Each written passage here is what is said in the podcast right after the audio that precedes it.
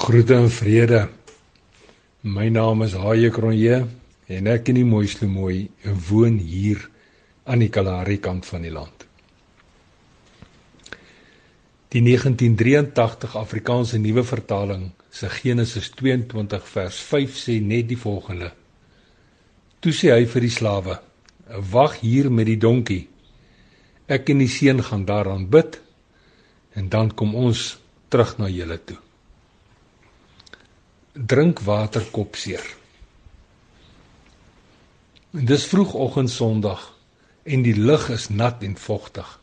'n Welkome donderby wat gisternag hier in ons deel van die Kalahari geval het, het die wêreld vars en skoon gelaat. Alles lyk nou vrolik want in die sagte strale van eerste lig pronk die Kalahari vanoggend behoorlik. Met 'n binneste binne wat oorloop van dankbaarheid, sit ek op die voorstoep en wag dat hierdie welverdiende rusdag sy loop moet kry. Terwyl ek klein proeseltjies uit my oranje koffiebeker afsluk, dink ek terug aan ons drinkwaterkop seere kort neffens ons hier in die Kalahari aangekom het.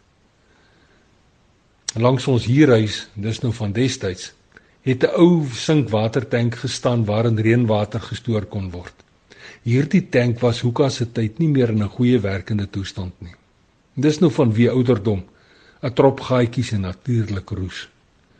Ons moes maar plan maak om dit te herstel want brakwater proe erg sleg vir 'n kalari inkomer.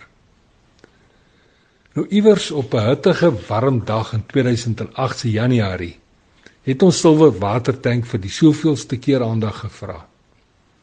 Daardie dag het ek en die twee seuns behoorlik geswoeg en gesweet en nogmals gesweet soveel so dat alles opnat en deurtrek was. Selfs jou onderklere was nat. Ek onthou egter nie net die gesweet nie.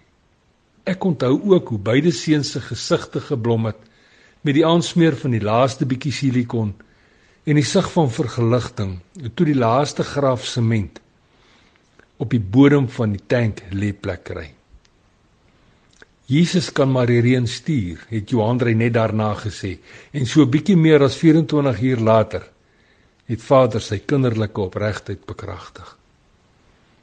Later daardie nag, toe die eerste druppels van daardie nag se reën op die sinkdak val, het ek vir die mooiste mooi gesê dat ons drinkwaterkop seer nou verby is. sien, die ou silwer watertank hou 'n hele 5000 liter hemelwater en dit is meer as genoeg. Vroeg die volgende oggend het ek kalfvoet buite rondgeloop sodat die modderige grond tussen my tone kan deurpeel. Onverwags trek 'n plassie water langs ons huis my aandag. Vol nuuskierigheid staan ek nader net om viervoetig vas te steek. Ons tank lek. En nou spoed 'n hartverskeurende tragedie in stadige spoed voor my oë verby. Kosbare soetwater spuit suurlik op die reeds deurnat Kalahari aarde neer. En met elke druppel wat val, breek en skeur my binneste binne in ontelbare stukke. Ek kan nie meer nie. Moedeloosheid, radeloosheid en 'n depressiewe swaarigheid omsingel my menswees en ek is diep onlekker. Ons tank lek en daar is niks wat ek daaromtrent kan doen nie. Ag Here, kom dit geruisloos oor my lippe. Genoeg is genoeg. U maak nie reg nie. Ek is seer en kwaad gelyk. Eintlik is ek verby seer en ver verby kwaad. Dis nou die derde keer die afgelope klompie dae wat die soetwater val en ek kan nie water opvang nie want hierdie ou tank lek. U weet mos ek kan nie 'n ander tank aankoop nie. En dis onregverdig.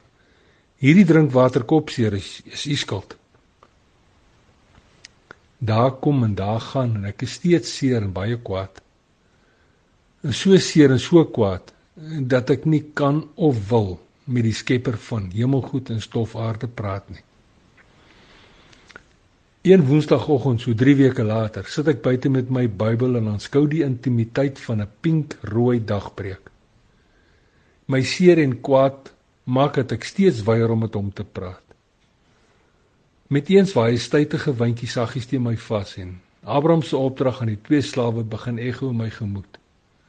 'n opdrag wat hy gegee het kort voordat hy Isak sou offer. 'n Opdrag wat geklink het: Ek en my seun gaan daarom te aanbid. Dan kom ons terug na julle toe. Onverwags fluister die Heilige Gees van Abraham se verstaan dat die Here altyd die uitkoms gee alvorens die krisis aanmeld. Stomstil snak ek na my asem terwyl ek roerloos sit. Dan begin ek stadig verstaan waarom Abraham met oortuiging kon sê dan kom ons terug. Want hy kyk en hy sien verder as net sy krisis. Met eens weer galm die telefoon se skril geskree deur die lug 'n kosbare vriend uit die voorwêreld vertel dadelik met 'n krakerige stem van sy 4 weke lange stryd met die Skepper 'n stryd oor 'n groen watertank wat Nonipa toe moet kom, wat hy natuurlik sal bring. 'n Groen watertank wat langs ons huis moet staan. En so sak ek my kop en ek smeek vergifnis. Ai, ek is so skuldig. Want my kyk en my sien stop mos gewoonlik by die krisis en nie by die uitkoms nie. En nou ja toe, tot 'n volgende keer. Mooi loop en sandkorrel by seëninge.